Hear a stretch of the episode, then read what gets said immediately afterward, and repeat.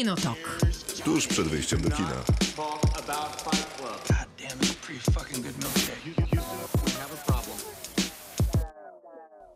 Krzysztof Majewski. Miłosława Bożek. Maciej Stasierski. W takim składzie prowadzimy Kinotok, czyli program, który zawsze w poniedziałki od 22 do północy i zawsze we wtorek pojawia się w formie podcastu, wszędzie tam, gdzie słuchacie podcastów, a jeżeli słuchacie na Spotify'u i bylibyście tak mili i dali obserwuj, czyli tak zwanego suba, to bylibyśmy bardzo wdzięczni. Dzisiaj odcinek specjalny o Euro 2020. Jako, że nie ma co gadać, to przechodzimy już do następnych więc, tematów. Więc możemy wrócić do normalnego, do normalnego harmonogramu. Jesteśmy już po meczu Polaków ze Słowacją. Przegraliśmy 1 do 2. Czerwona kartka dla Samobój. Krychowiaka, samobój naszego bramkarza. No więc Będzie o czym plotkować. euro się zaczęło na jest, całego. Jest wszystko tak, jak miało być. Nikt nie jest zaskoczony. No i świetnie. Najważniejsza jest konsekwencja i Tak jest. dziękujemy za to kadrze. Zobaczymy, jak e, z Hiszpanią sobie poradzimy. Znaczy wiadomo jak, ale zobaczymy, jakie będą dodatkowe atrakcje. Ja nie będę pamiętał tego. E, tak. Zaczynamy od w robocie. W robocie to cykl, w którym w piątek na naszych mediach społecznościowych, na Facebooku, Kinotok Podcast pytamy o jakąś kwestię filmowo-serialową.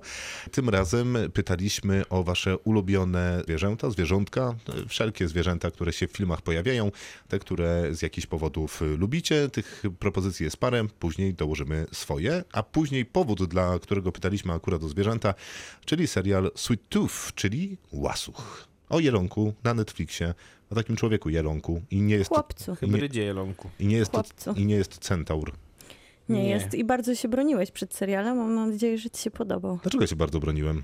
To przypomnimy może w trakcie recenzji. Będziemy, będziemy cytować naszą Będziemy. rozmowę na Facebooku. Będziemy. Nie, no ale nie, nie broniłem się konkretnie przed tym serialem, bro- broniłem się w ogóle przed serialem, bo to jednak dodatkowe 8 godzin oglądania. Teraz to możesz tak tłumaczyć. Przyznaję, że ten mnie jakoś specjalnie nie ekscytował. Później będziemy rozmawiać o filmie, który mm, pewnie nas podzieli, znaczy na pewno nas podzieli, bo wiemy, że jesteśmy podzieleni. Nazywa się Na Rauszu, reżyseruje Thomas Winterberg, był nominowany do Oscara za najlepszą reżyserię, a dostał Oscara za najlepszy film międzynarodowy. I też był nominowany wcześniej, to nie tak, że dostał z zaskoczenia. Następnie... Nagroda pocieszenia. A masz! Nie dostałeś już tej reżyserii. Dajcie mu coś. Dajcie tego rezerwowego Oscara. Dobre, podobało mi się. Następnie będziemy rozmawiać o polskim easternie, czyli takim westernie, tyle że u nas, chociaż tak bardziej na wschodzie niż we Wrocławiu. Ale europejskim. Tak jest. Generalnie będzie Magnezja, czyli fantastyczna obsada i zobaczymy co jeszcze. I niezbyt dobry film. A na koniec Spoiler. Guy Ritchie powraca. Trochę nie wiadomo skąd ten Guy Ritchie się wziął, ale jest w kinach i nazywa się Jeden Gniewny Właśnie Człowiek. on tak kręci filmy, tak... Z nienacka. Nie, no, ale dżentelmeni mieli nie jakąś- Nie informując o tym. Ale dżentelmeni w ogóle zostali nakręceni chyba w tym samym okresie, kiedy kręcił Chyba też tak. Aladyna. I chyba też to, to chyba też kręcił w tym samym mniej więcej czasie, tylko wyszło trochę później. Też mam takie wrażenie, że to jest film kręcony. W ogóle to mam wrażenie, że to jest film kręcony razem z królem Arturem. W sensie legenda Może- króla możliwe, Artura. Możliwe. No ale nic, o tym filmie porozmawiamy sobie pod koniec programu, czyli gdzieś tam przed północą. Zapraszamy.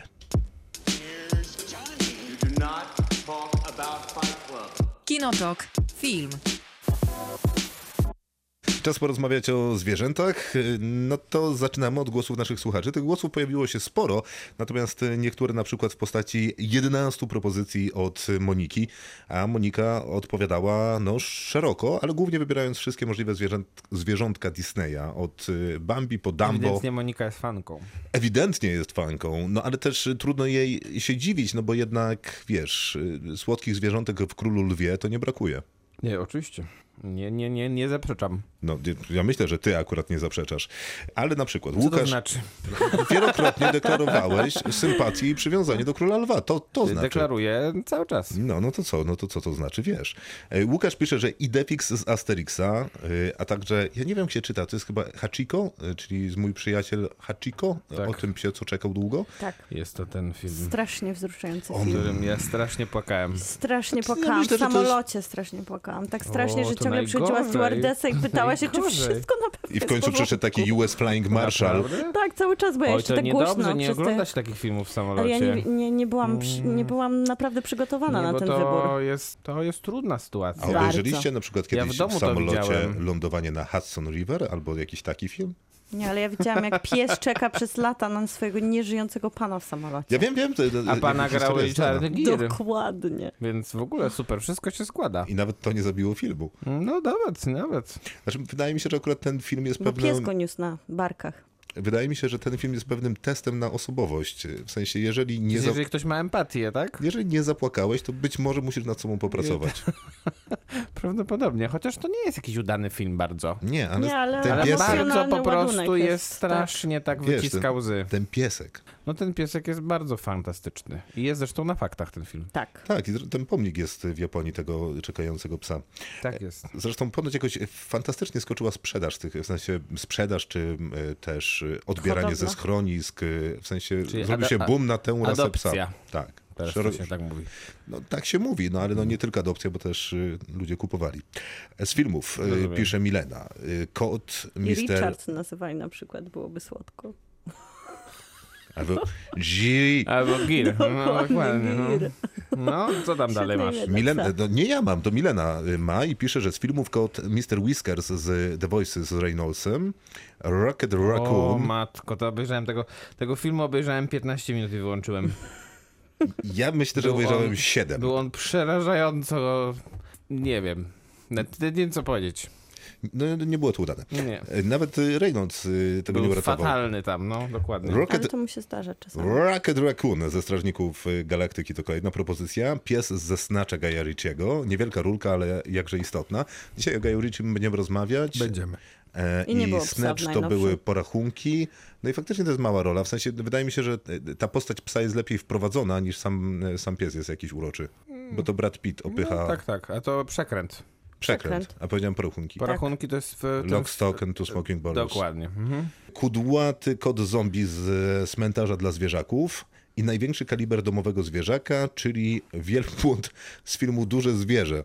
Widzieliście Duże Zwierzę i wielbłąda? Duże zwierzę Z Jerzego? Sztura? No, O nie, to nie, nie, nie. To, to nie moje kino. ja y, nie wiem, czy widziałem. Nie, czy, bo nie pamiętam, widziałam. Ja nie pamiętam wielbłąda, więc Pamiętam mogłem tylko, nie że widzieć. oni chyba siedzą w jakimś pokoju. chodzą dużo też z po tym Sztur miasteczku. i Anna Dymna, tak? Tak. I wielbłąd. I wielbłąd. Tak. No. Oni chodzą też taka czarna, I na tym się to-. Seriali. Piękne kino. Seriali Pies Cheddar z Brooklyn Nine-Nine, e, Pies Brian z Family Guy'a, no wiadomo, Super. kuloodporny Kuwabi z anime Peula Magi Madoka Magika. Puella Magi Madoka Magika. Są spory w doktrynie, jak można by było to dobrze przeczytać. Milena może uzupełni. E, Darek Stitch ze Stitcha, Aneta pisze, i to jest ciekawe, Ogdzia, e, super Brawo. świnia, uwielbiam. No brawo, no to jest, Brawo. To jest świetny wybór. Wielgachna świnia jest naprawdę urocza. Kolejna Monika, nie, pierwsza Monika pisze, że a, no to są te wszystkie zwierzęta Disneya. No i to tyle. Zabawne I nasze. coś, na, coś nam jeszcze zostało chyba. Uuu, Sporo. na szczęście, ja, bo już się obawiałem. Nie, nie, do, Naprawdę się obawiałem. nie, nie, nie. W, tym- w tym tygodniu mamy zdecydowany luz. Słuchacze nas oszczędzili.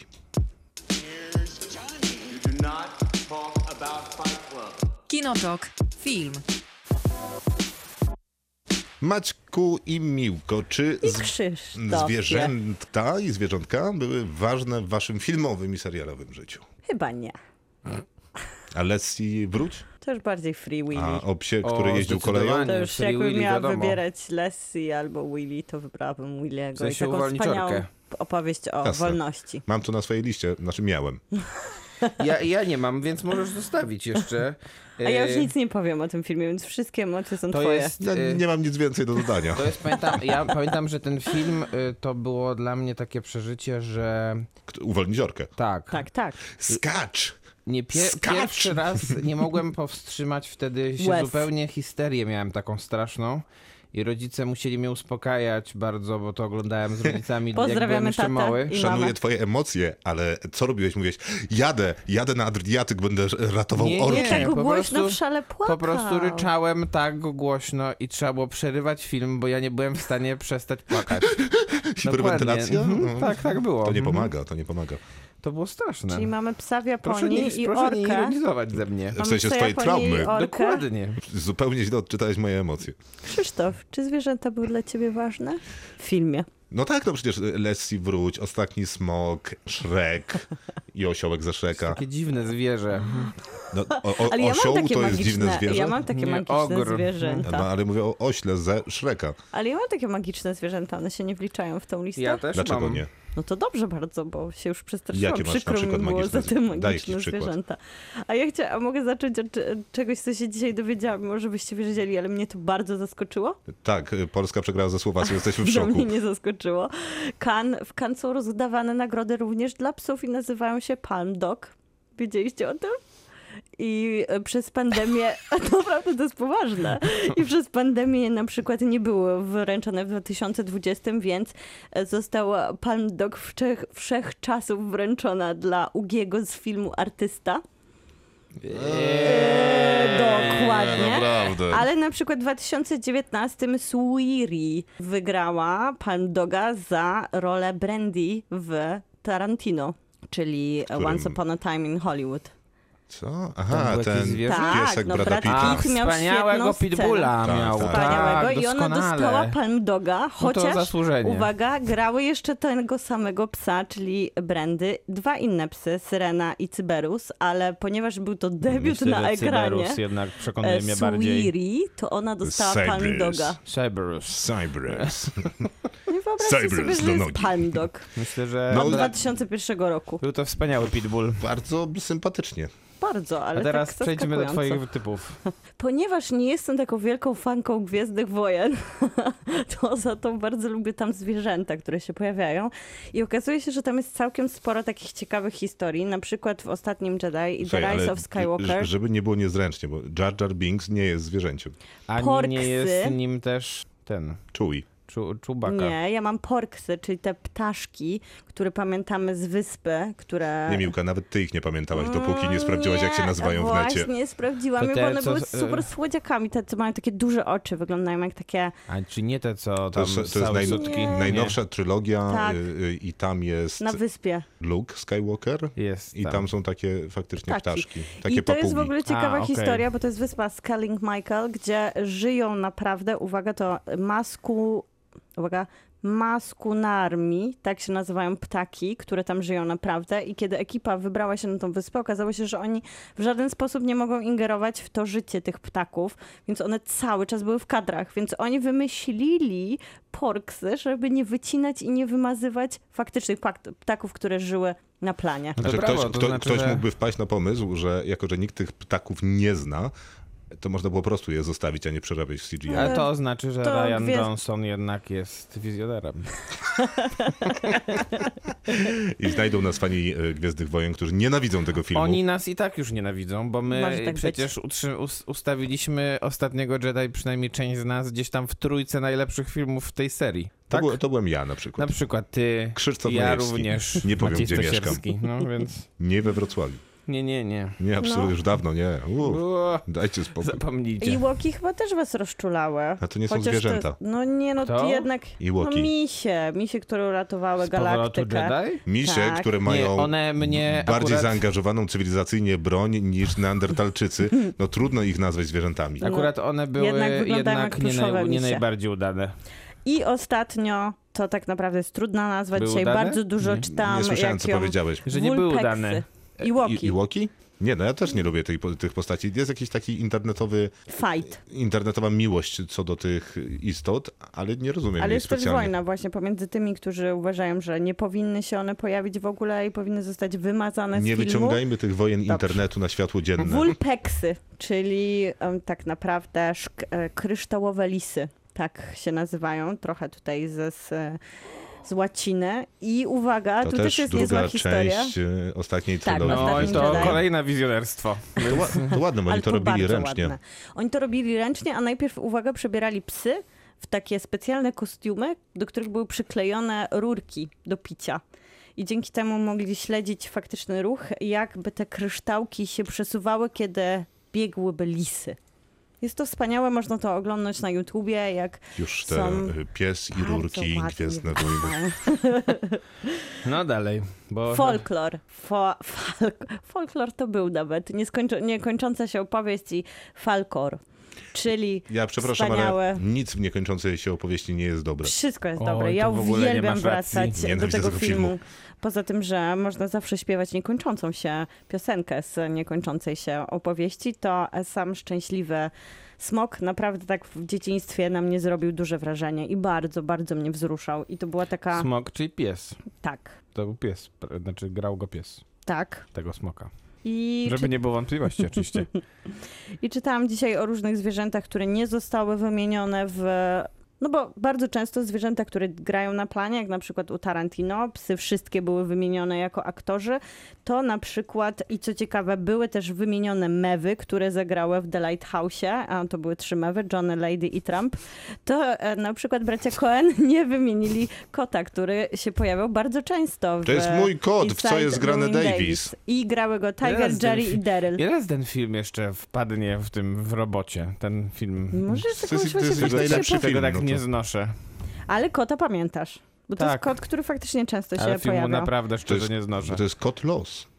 I ten kot Tak się grany nazywa? Nie, po prostu jest losem. A. Ulises się nazywał. No to wszystko, słuchajcie. Niestety nie zapamiętałem żadnej nazwy zwierząt z Gwiezdnych Wojen. No nie są nazwy chyba Jak do się nazywały te ptaszki? Te ptaszki się nazywały porks. Czy jak wieprzowina. Ale uwaga, maskunarami. Pork ribs. Masku... Twice. Maskunury się nazywają. Maskunury. No dobra. Ta, faktyczne, rzeczywiste ptaszki, które mieszkają na wyspie. Musimy przyspieszyć i to ekspresowo, bo jak y, zwykle y, chwilę dłużej nam y, zajęła rozmowa z Miłką. Maciej, czy ty zaczniesz, czy ja? Możesz zacząć. Zaklęta w Sokoła, proszę. nie wiem czy pamiętacie. Tam był Sokół, który, w którego była zaklęta wybranka serca głównego bohatera. Pamiętacie taki fi- piękny film? Ogniem i mieczem? Nie, Zaklęta w Sokoła. Z Rutgerem, z Rutgerem Hauerem, z Michelle Pfeiffer. Wow. Nie, nie pamiętam. To Bo mnie Ogniem i mieczem to jest, to jest, Dok. Ogniem i mieczem to jest polski remake. Nie, naprawdę nie widzieliście tego filmu? Znaczy ten- kojarzę tytuł, To jest ale... taka przepiękna, baśniowa historia, wiesz, o rycerzu, który ma sokoła A na ramieniu, a to jest jego, no, wybranka serca. który- Ale jest Cieka- księżniczką. On, no, nie wiem, czy jest księżniczką, no nie Michelle zago- Co Pfeiffer jest najmniej, sokołem. co najmniej Tak. ciekawy casting. jest sokołem w tych momentach, kie- kiedy nie jest Michelle Pfeiffer. Okej. To była taka pani z jeziora, ona była Nie, to jest łabędziem. święty film, to jest Więc jakaś ta taka... się pow- powtarza, rozumiem, w różnych wersjach To jest kaku. Balet e, Piotra Co z, Czajkowskiego. co z panią Jeziora? Była łabędziem. To Maciej ci już odpowiedział. Wow. No, Bolt z Bolta. Mm, To jest film animowany, nie wiem czy pamiętacie. Bolt ty gra... pamiętasz najlepiej. To prawda. Aż dziwne, że to w ogóle drugie miejsce zajęło przed panią 32 Soku. razy w kinie, w którym w tym momencie jest kino Nowe Horyzonty, sala numer 9, wydawanie okularów 3D, bo to był jeden z pierwszych filmów 3D. Bolt gra psa, który jest psem hollywoodzkim i myśli, że jest y, z takim bondem psim. No a w końcu schodzi z planu i okazuje się, że życie boli. Bardzo dobra rzecz. Y, Polecam wszystkim, którzy nie widzieli. Duch z gry o tron, czyli Wilkor y, Johna Ale Snowa. jeden to może wszystkie. Nie, bo ja nie lubię wszystkich, lubię ducha. Tylko? Naprawdę? Taką selekcję zrobiłeś? No nie, bo one mają swój charakter, który jest dostosowany do właściciela, no i więc No, lubię ducha tak Johna Snowa, jak wszyscy jest, na świecie. Większość jednak nie dożyła tego, żeby mieć ten swój charakter. Jego braci duch, do, duch doszedł, No, dożył, jedyny. poszedł w las. Nie, dwójka tam przeżyła. Dwójka kogo? Dwójka wilkorów. Tak? Który jeszcze? No tam był, e, spotkała go Aria chyba po drodze No to był duch. swojego. Nie, to był taki, co miał całą wataszkę. To był duch. Tak? No ten biały. A nie, czekaj, bo ona To był faktycznie spotkała jej, swoją. t- tego, którego zgubiła Tak, po tak, drodze no, tak i tam była pełna I miłość i akceptacja i Nie było pożegnanie. tam ża- żadnej miłości, no akceptacji. bronił ją przed swoją watachą. po prostu jej nie zjadł. No to jest chyba, myślę, po zwierzęcemu miłość i akceptacja. Szczerbatek, e, pewnie pamiętacie, O no ale nie. jak w zasadzie nie ma po co uzasadniać Nie, nie Szczerbatka. ma, jest wspaniałą postacią. I wydaje mi się, że w ogóle Szczerbatek to był taki moment, w którym zorientowałem się, że filmy umieszczają taką postać małego szczeniaczka w sobie. W sensie wiele y, postaci jest przerabianych na takie miłe, słodkie zwierzątko. Być może Shrek to tak zrobił dobitnie ze swoim kotem w butach, ale później Szczerbatek udowodnił, że to się po prostu w filmie opłaca, żeby mieć taki emocjonalny ciężar, który jest prawie że atewistyczny, bo sięga gdzieś tam do jakichś korzeni osobowości. E, I to się pojawiało później w postaci czy to robota, czy jakiegoś tam uroczego stworzonka, stworzenia, niekoniecznie zwierzęta jakby sensu stricte.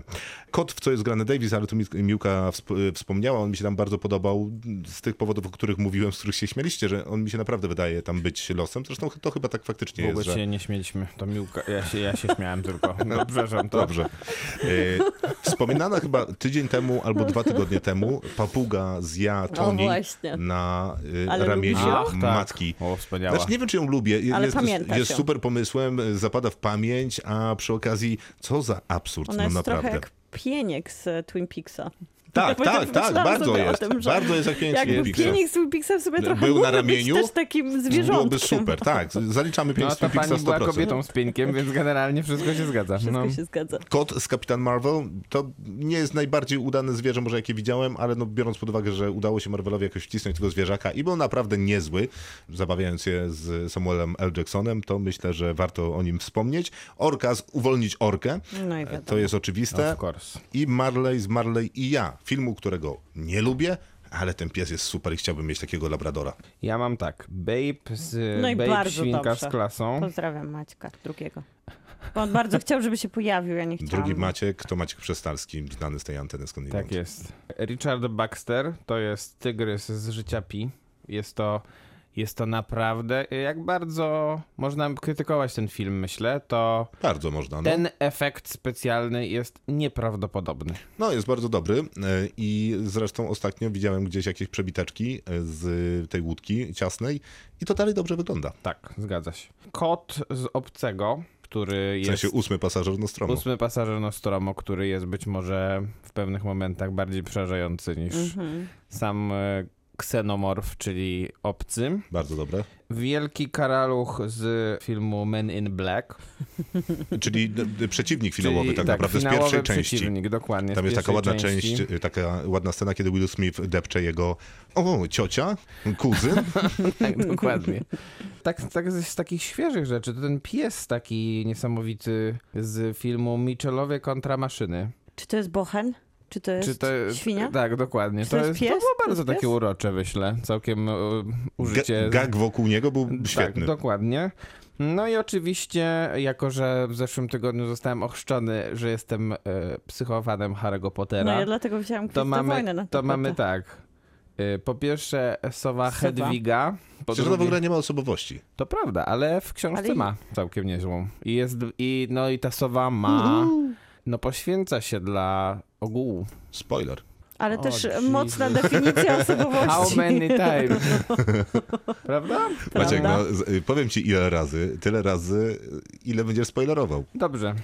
Aha, no i chciałem jeszcze ten, ale to nie jest zwierzę, bo to jest smok. To smoki są zwierzętami? Smoki mogą Tak, być. tak, tak, oczywiście, że są. No to Smaug z Hobbit Pustokowie Smauga. Czyli Benedict, Benedict Cumberbatch. Cumberbatch. Tak, dokładnie. Wspaniały Y, smok. Oczywiście trzeba obejrzeć, jak się tarza po podłodze w takim kostiumie do motion capture, to wtedy się wszystko rozumie o tym smoku. Myślę, że o Benedykcie Cumberbatchu też i o Tak, wszystkich tak. brytyjskich aktorach. Takich szekspirowskich zwłaszcza. Tak, Benedict Cumberbatch ma też taką ciekawą historię, że e, kiedyś Że był... zawsze chciał zagrać smoka. Kiedyś był narratorem, nie, kiedyś był narratorem w takim, w takim dokumencie o pingwinach i nie był to, nie jest to A. Morgan Freeman. Znam to z I The Graham- Graham Norton Show. I Graham Norton mu wytknął, że nie potrafi powiedzieć słowa pen, pingwin po angielsku. Co rzeczywiście zostało udowodnione, bo wypowiedział to za każdym razem źle. I nawet jak, po, nawet jak próbował to powtórzyć później na ten, już w programie to też nie powiedział. Dobrze. Ale proszę sobie- sobie... żeby zakończyć te w robocie jakąś świetną zwierzęcą anegdotką? Proszę nie, nie, sobie ja to po znaleźć prostu pamiętam. Proszę sobie znaleźć ten fragment, który jest dostępny gdzieś tam w internecie.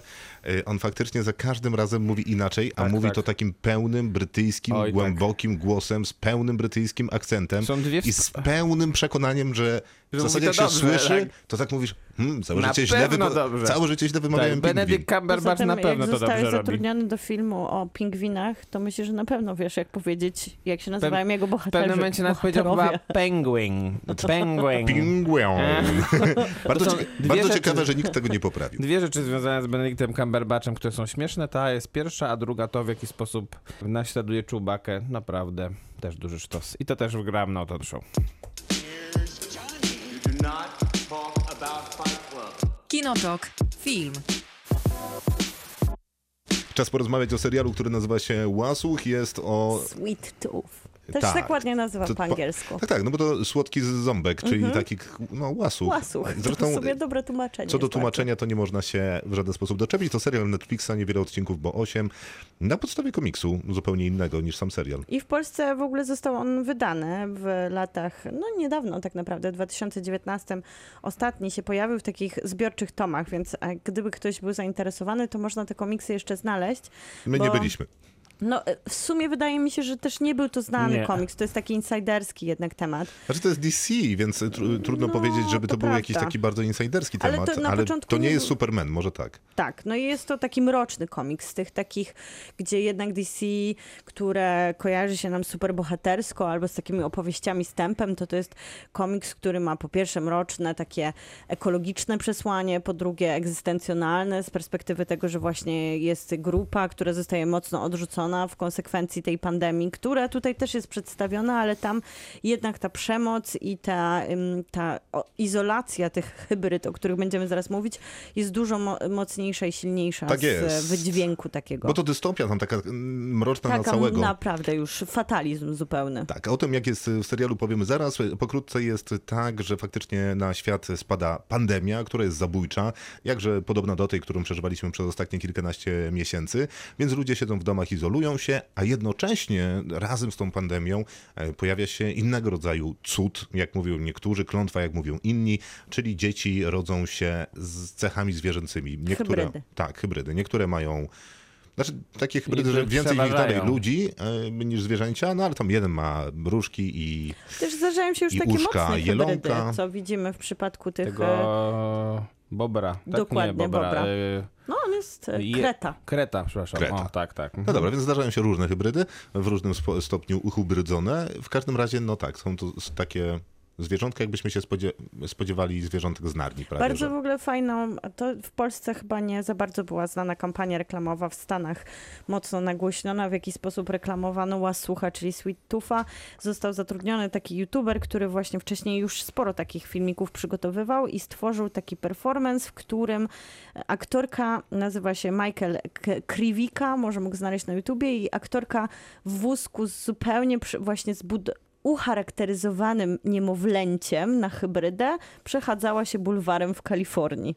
I były nakręcone reakcje ludzi, różne, czasami nieprzychylne. W Kalifornii to powinno wyglądać tak, że nikogo nic nie obchodzi, idą dalej, bo widzieli już absolutnie wszystko. Ale absolutnie chyba jeszcze nie widzieli w wózku pół dziecka, pół ptaka, bo jest to tego typu hybryda, więc on ma skrzydła, ma dziób, a jest to faktycznie małe dziecko. Jeszcze wydaje, prawdopodobnie na tym polegał casting, wydaje takie bardzo Jakie? piskliwe dźwięki. Jakie?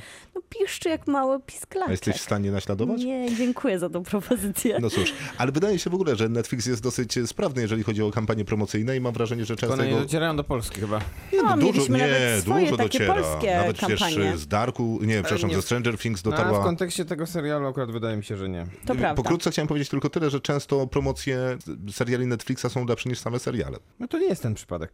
Tutaj nie, tak, ale faktycznie Nie była fajnie... to aż tak dobra promocja. Fajnie też ta pr- promocja, samy ten filmik naświetlał właśnie, że nie zawsze to jest ciekawość i nie zawsze to jest pozytywna reakcja, kiedy widzimy tak odmienne dziecko i też o tym właśnie opowiada serial, że z jednej strony ta ten serial jest bardzo współczesny, aż przerażający. Trochę wydaje się, że ten komiks był jakiś wizjonerski, chociaż bardzo ładnie opowiada o tym sam zaangażowany twórca komiksu i uwaga, to producentka to jest em, pani Susan e, Downey Jr., czyli Of żona... she e, yes, of course she is.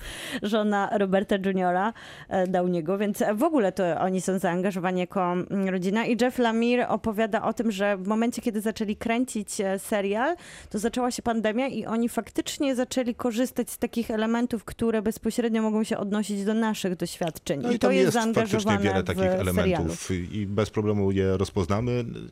No, różnica jest A taka, jednocześnie że... wydaje mi się, że jak ktoś będzie to oglądał, kto urodzi się po pandemii i będzie ją znał tylko z książek To prawda. historycznych, to ten serial go dalej nie zrani, więc dobrze to zrobiono. Super to zrobiono i też w ogóle ciekawe, twórca opowiada o tym, że w momencie, kiedy wydał komiks, on w Stanach już był wydany dekadę temu, zgłosiło się kilka osób, które myślało o tym, żeby zrealizować film lub serial, ale wtedy w ogóle wytwórnie nie było otwarte na taki pomysł jak apokalipsa, hybrydy dzieci, zabójczy wirus i on mówi o tym, że w ciągu tej dekady niesamowicie zmienił się, zmieniła się branża seriali, Niesamowicie ponieważ...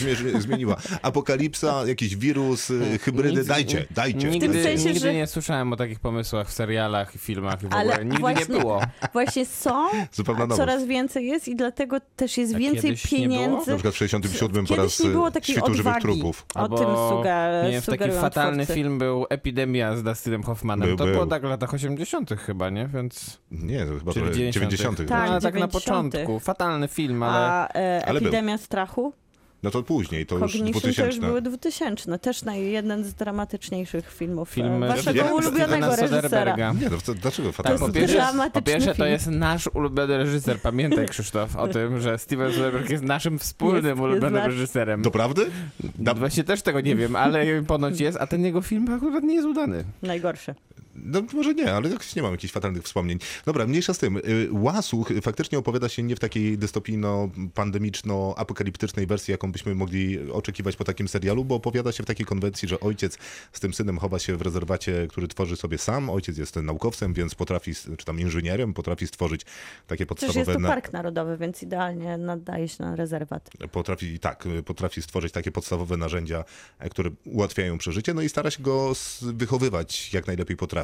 No i widać, że relacje mają absolutnie boską i w ogóle przypomina mi to Viggo Mortensena, który siedzi ze swoimi dziećmi w lesie w filmie Kapitan Fantastic. Kolorystyka całego serialu jest też podobna. E, Tak, To tylko że prawda. podkręcona do maksimum. Jeżeli Kapitan Fantastic ma tam 85%, to ten serial ma 105%. E, I jakoś specjalnie mi to nie przeszkadza, że to jest taka konwencja bajkowa, trochę umowna, trochę baśniowa. Nawet to, że ten chłopiec musi przeskakiwać przez trzy kamienie, żeby wreszcie nauczyć się skoczyć na ten najdłuższy. No, jest, jest ten dystans do Jelonka, ale, No, ale więc to chwyciło jest... cię za serce. Nie, to właśnie niespecjalnie. Myślałem, że chwyci mnie bardziej, y, biorąc pod uwagę, jak bardzo ten serial stara się po, po ustawiać te pionki y, Na takiego... bycie uroczym. No, takiego, jak jestem łasuchem i jestem słodki jak te cukierki, co je jem.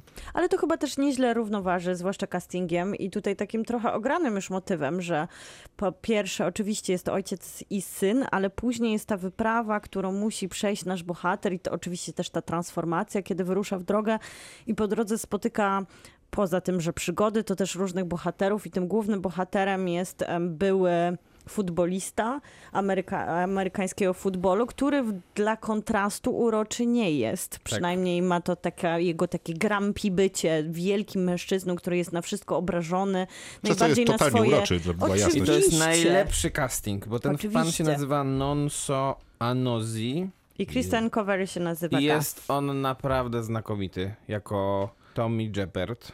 Albo I Big myślę, Man. że jest to jedna z najlepszych rzeczy w tym serialu.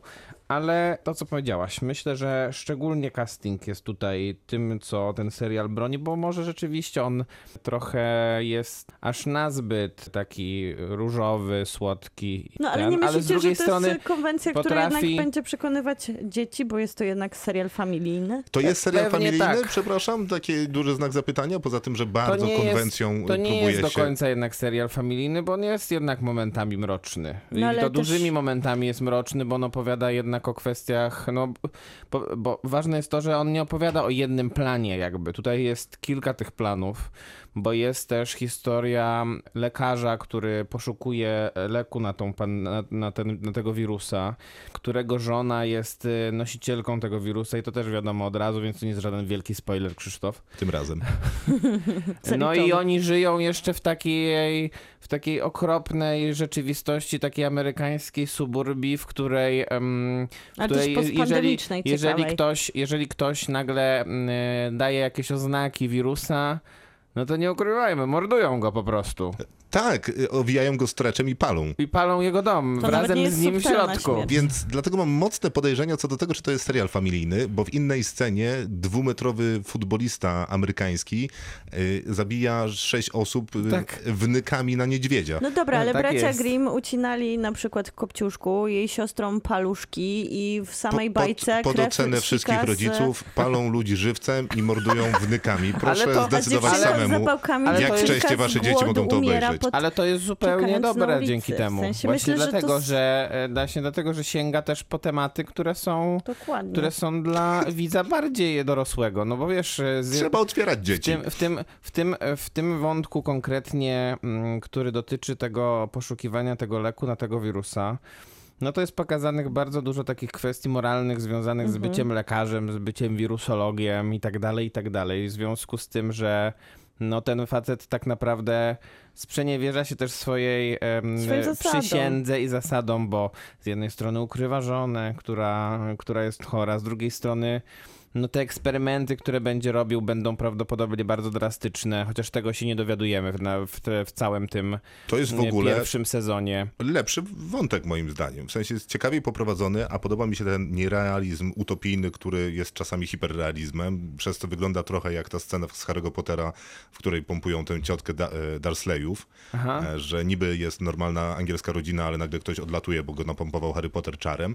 I taki trochę jest klimat w tym drugim wątku, co mi Tak. się bardzo podoba. Bardzo dobry jest ten jest- wątek i ten wątek ma jeszcze jedną rzecz. Ma rewelacyjnego wylyna, którym jest ten General Abbott. On jest po prostu fantastyczną postacią. Naprawdę, po prostu wszystko jest idealnie wymyślone w tej postaci. Wygląd, te okulary głos, Lenonki. te okulary, które się też otwierają. Naprawdę to jest świetna postać. Ja myślę, że w ogóle to jest świetnie poprowadzone, bo tu jest trzeci jeszcze wątek, który pokazuje takie sanktuarium budowane przez e, kobietę, której no, historia... on jest taki mniej istotny. tak, ale wydaje mi się, że wszystkie one się razem uzupełniają, bo dają temu serialowi takie tempo, które mogłoby siadać, gdybyśmy tylko obserwowali albo podróż naszego młodego jelonka do jego skonfrontowania się z jego przeszłością, albo mierzenie się lekarza z moralnością, trochę takie bardzo współczesny komentarz do tego też, jak jest odczytywane to, jak powstają, nie wiem, szczepionki, czy jak działa medycyna w czasie zagrożenia pandemicznego. Jakby co, szczepionki tak nie powstają. no, oczywiście, że tak nie powstają, ale myślę, że to jest ciekawy jakby dyskurs, żeby pokazać, że tam się zawsze przy okazji Też takiego strony to, w jaki śmiercionośnego sposób jest wirusa... pokazane to, jak prawdopodobnie ten wirus powstał tutaj, w tym, w tym serialu, czyli powstał prawdopodobnie w laboratorium i Nie z- no, na pewno. i z tego, labora- po- z tego laboratorium z- jakby uciekł i się rozprzestrzenił na cały świat, no to coraz, wie- coraz więcej wskazuje, że podobnie mamy w życiu, w życiu naszym, więc y, to nie jest tak do końca oderwane wszystko. Nie, nie, Nie, nie, ale jest. ja przecież nie mówię, że jest oderwane. Natomiast mam wrażenie po obejrzeniu tego pierwszego sezonu, że ten jeden wątek od drugiego jest trochę oderwany. Przy okazji zmienia tempo i zmienia klimat. To prawda. Y, Więc to się nie do końca klei. No I tam parę rzeczy też się w tym serialu nie klei, ale tak, wizualnie jest ładny momentami, a klimatem y, jest ok kiedy indziej. E, Obsada jest dobra, a sam koncept jeszcze przepisany na tą naszą chyba- pandemiczną współczesność, no jak dla mnie działa. Ważny jest ten No, wymiar tak. bardzo taki bliski przyrodzie. Jest zjawiskowa Nowa Zelandia, którą oglądamy i ten No jest. ekologiczny wymiar mi się wydaje też tutaj nieźle, niezły ma wy- wydźwięk, bo nie jest w żaden sposób taki napastliwy, nie brzmi jak W manifest. sensie dobrze, że pandemia mniej ludzi, teraz mamy dobrą naturę? E, W, w, każ- w tym sensie to nawet nie chodzi o to, że ta natura zabiera świat, który Bo taka była myśl istnieć. Avengersów trochę. Bardziej chyba chodzi o te, to hybrydy. Endgame. Oczywiście tu też, tu też jest to, e, no, ta to, myśl, no to ale bardziej myśl, to te że hybrydy natura są przyjdzie tym i weźmie, weźmie co swoje, więc rzuciła na nas pandemię, bo byliśmy wirusem. Więc No ale ag- wiemy, że ona nie agent, zrzuciła ją, Więc bo- agent Smith w Matrixie mówiąc do Morfeusza, że jesteśmy wirusem, który toczy ten świat, miał rację. Tylko w pewnym sensie tutaj już zostaje wyjaśniona sprawa, że to nie przyroda jest odpowiedzialna za wirusa, a jest e, za ten wirus odpowiedzialny człowiek, więc e, tutaj ta walka Brał tylko to, co w pomiędzy- naturze było. Ja myślę, że jakby podsumowując może, Tak. To jest bardzo dobra rozrywka, ten serial Świetna. przy okazji. Chociaż ja nie bardzo wiem dla kogo. W sensie jaka jest grupa docelowa, ale tak poza tym Nie to byłam zgoda. tą Ale grupą dla, ale, ale docelową. dla, Nie, ja ciebie, najpewniej dla, też. dla ciebie na pewno tak. No I, właśnie. I dlatego dobrze ci się pewnie dosyć to oglądało, bo Mhm. to się dobrze ogląda, bo to ma dobre tempo, to ktoś dobrze opowiada i opowiada też wizualnie i dobrze prowadzi tych aktorów, nawet tych mniejszych, więc jest to taki serial, którego ja w ogóle, o którym ja w ogóle istnienia nie wiedziałem, nie wiedziałem tydzień temu, więc y, fajnie, że w ogóle go obejrzeliśmy, bo... Ale on sobie nieźle radzi na polskim Netflixie, bo tam Bo w jest to- trójce Tak, tak, drugie miejsce czas, Nie, już nie, ale drugie No miejsce jest to miła Tak. niespodzianka, myślę. Tak jest, jak oceniasz? Ja oceniam na 8. Ja oceniam na 7. Ja na ce- oceniam na 8 również. Kinotok. Film. No to czas na film, na który długo czekaliśmy chyba wszyscy. Z drugiej strony wszyscy, którzy nas słuchają, mogli już ten film zobaczyć co najmniej 15 razy, bo mowa o filmie na Rauszu, który pierwszy raz pojawił się na Nowych Horyzontach, a później pojawił się jakieś 600 razy na premierach. pokazach Tak, przedpremierowych. przy- możliwych przed, przy- przed, przed Przy premierach. wszystkich możliwych obs- e, o zdejmowaniach obs- o, obcią- o Boże, Obostrzeń. obostrzeń, kiedy kina były otwarte przez dwa tygodnie. Tak, to wtedy Nigdy na, nie na premierowo. Rauszu To wszędzie, wtedy nigdy nie premierowo. 14 pre- przed premier. Więc przypominam zasady tego programu. Programu, tego podcastu. Nie recenzujemy filmów, które mają pokazy specjalne, nie recenzujemy filmów, które mają przedpremiery, recenzujemy premiery. Przed premierą chwilę, na przykład tydzień e, albo w dniu premiery, albo tydzień po niej, gdzieś w tych okolicach. Kiedy film jest w kinach albo na VOD dostępnych legalnie w Polsce, nie bawimy się w żadne VPN-y. VPN-y i nie kupujemy w Holandii Disney+. Plus.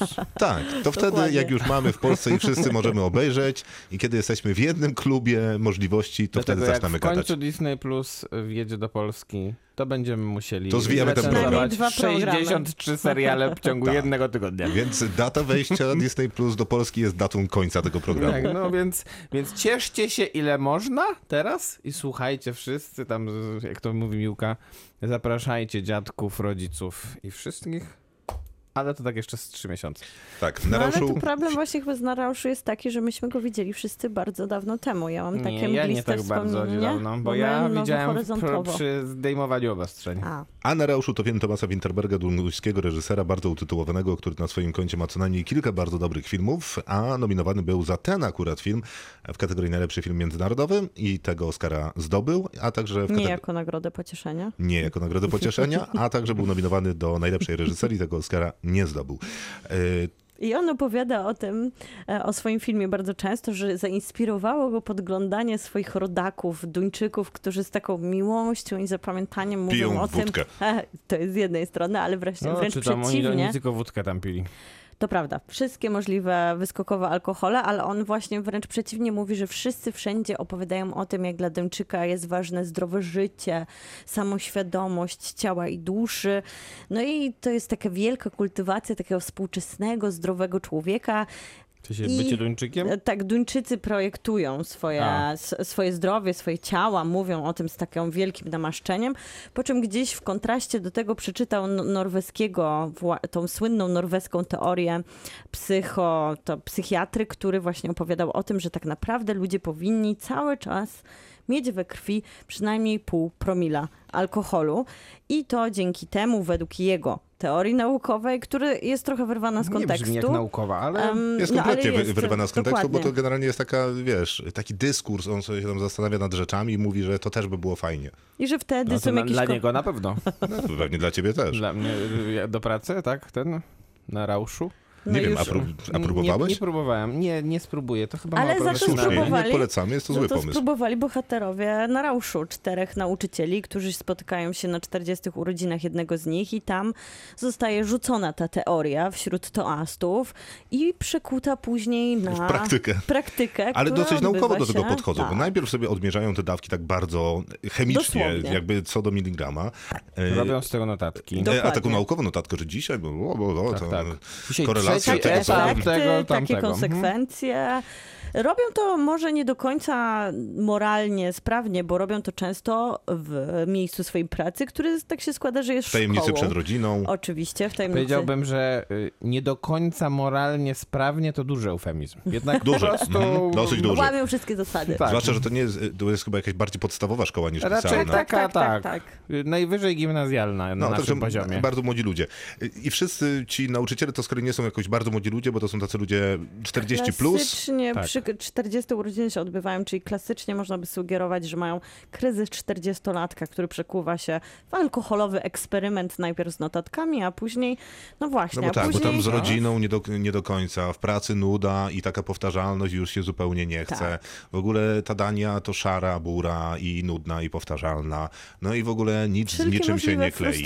No więc pijemy ten alkohol. Nawet I oni za bardzo proszę, ze sobą nie rozmawiają. i proszę teraz odgadnąć, Jaki jak się ten film skończy. Dokładnie. No dobrze, i co? No nie, no nic.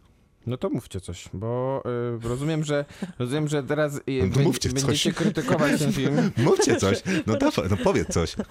No nie wiem, ja będę chyba tego filmu bronił jako jedyny, bo to nie jest zły film wcale. I, To jest argument. I uważam, że jest. Nie no, jest, jest ku temu kilka argumentów. Po pierwsze, y, możliwe, że rzeczywiście to nie jest najlepszy film Tomasa Winterberga, jaki widziałem w życiu. Natomiast on wciąż jest bardzo sprawnym reżyserem.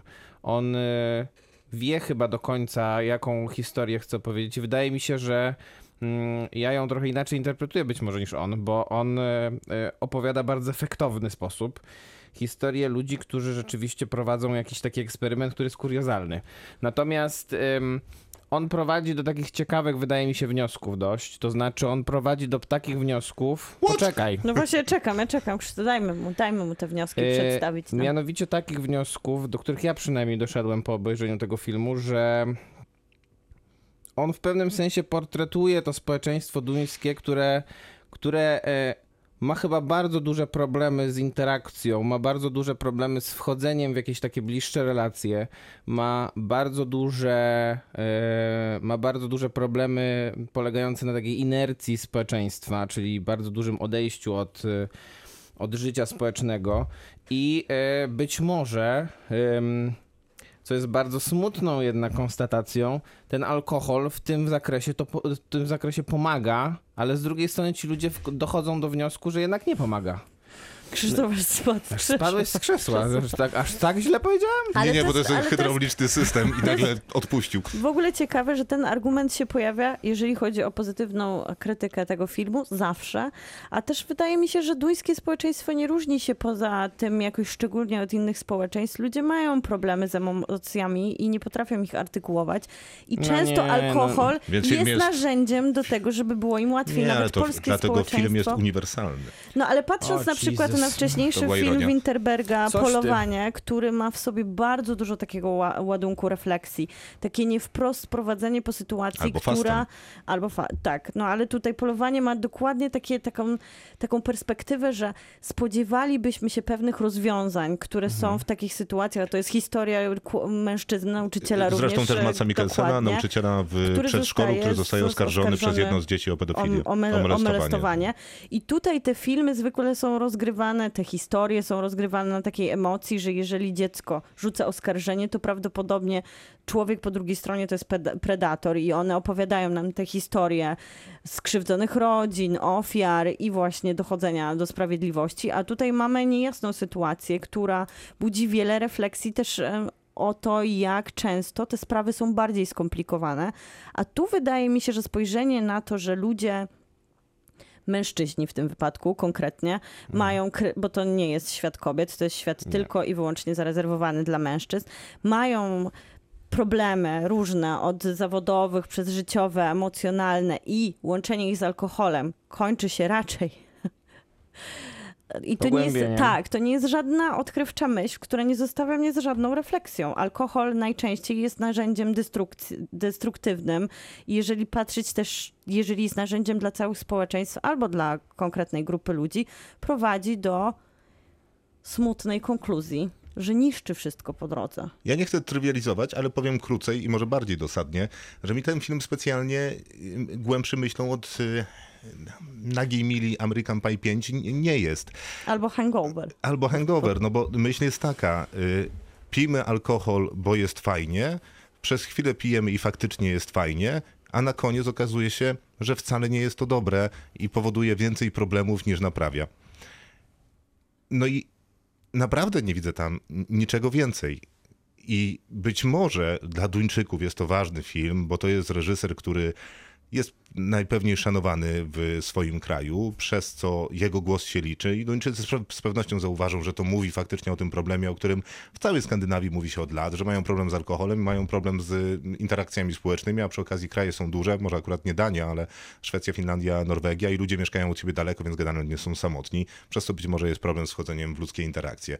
No ale jak bardzo nie będziemy podnosić tego problemu, który porusza film do takiej skali społecznej, państwowej, historycznej. e, Ale on nie nau- daje nam tej na- wiwisekcji Nie, społecznej. nie, no, no, okej. No, to w, tym, w tym zakresie się nie zgadzam po prostu. Więc wydaje mi się, że wydaje mi się, że daje ją na, na przykładach tych, e, tych czterech mężczyzn, którzy, którzy stanowią pewnego rodzaju archetypy e, i, i pokazuje, że, że prawdopodobnie tak właśnie wygląda to społeczeństwo. E, I z tym, w tym, że wszystkie społeczeństwa tak wyglądają, to totalnie się nie można zgodzić, Miłka, wydaje mi się, bo e, no, społeczeństwa południa Europy tak po prostu nie wyglądają.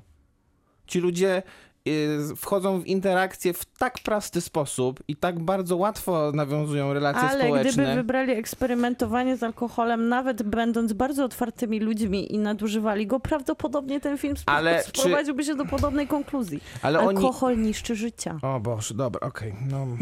No, ja- szczerze mówiąc nie jestem w stanie się- unieść y, ponad to, co interpretuje i od, jak widzi ten film Miłka, bo widzę go w zasadzie tak samo. A, a jeszcze dobija mnie Winterberg tym finałem, y, który, no jakby wiem, że cieszy publiczność. y, Powiem tyle, że w tym finale Mats Mikkelsen, główny bohater tego filmu, tańczy i mam wrażenie, że to jest taki wymyk reżyserski, który Winterberg celowo stosuje, żeby, nie wiem, ja miałem wrażenie, że on ukrywa tym banał, że teraz zastanów się, co chce ci powiedzieć tym tańcem, czy to jest afirmacja życia jako takiego, czy afirmacja swoich wy- wyborów. Ja mam Więc- podobnie, ja się czuję tam oszukana. No ja też się czuję kompletnie Spektakularnie, oszukany. bardzo rzemieślniczo świetnie, bo i Matt Mikkelsen Tak, to i jest bardzo dobra to rola. jest wszystko dobre, tylko oszuka, oszukuje mnie jako widza, który jednak od takiego reżysera, no przynajmniej ja, wymagałam Mhm. jakiejś, e, zostanie z jakąś refleksją życiową. no, no nie wiem, Poza to jakby białe stworzyłem szy- poza refleksję, która cię, do, Poza cie, żółty szalik. do, ciebie nie prze, do ciebie nie trafia, no to...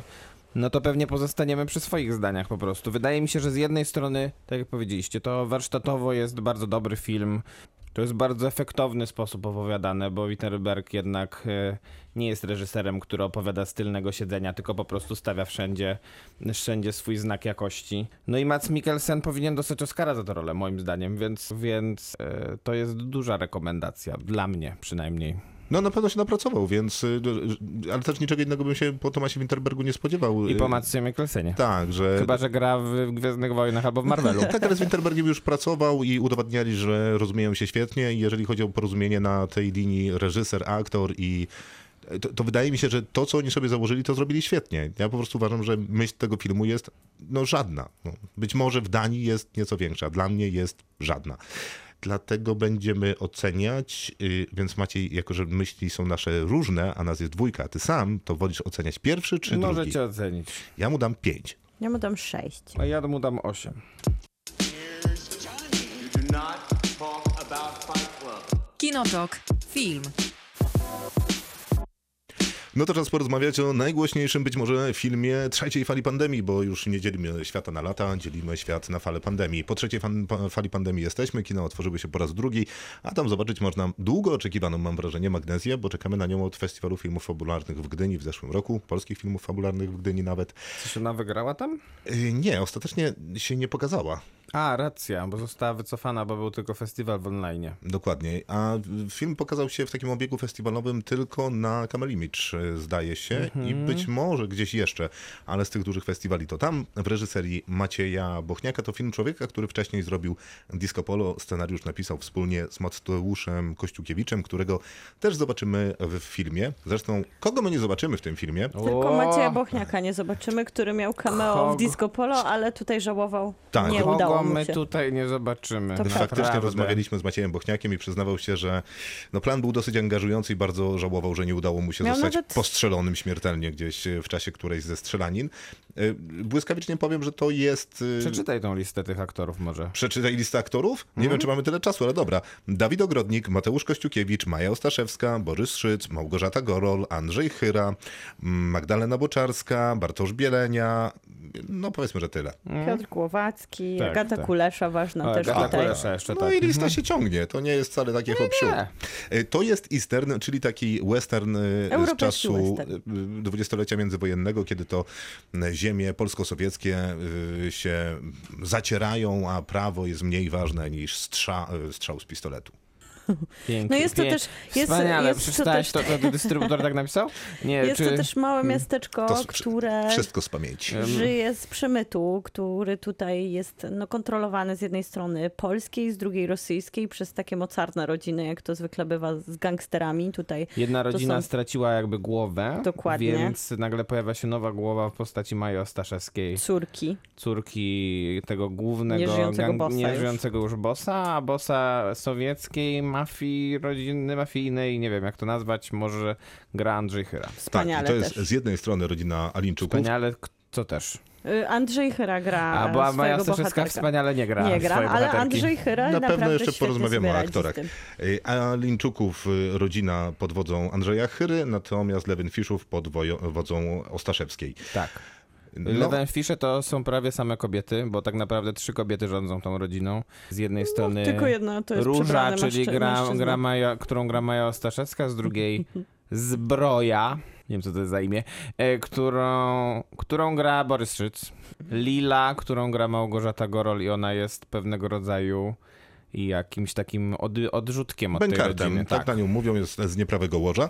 Natomiast no, słusznie Miłka przypomina Borysa Szyca, bo faktycznie reżyser Maciej Bochniak mówił w rozmowie z nami, że chciał, żeby to był taki silny, film silnych kobiet.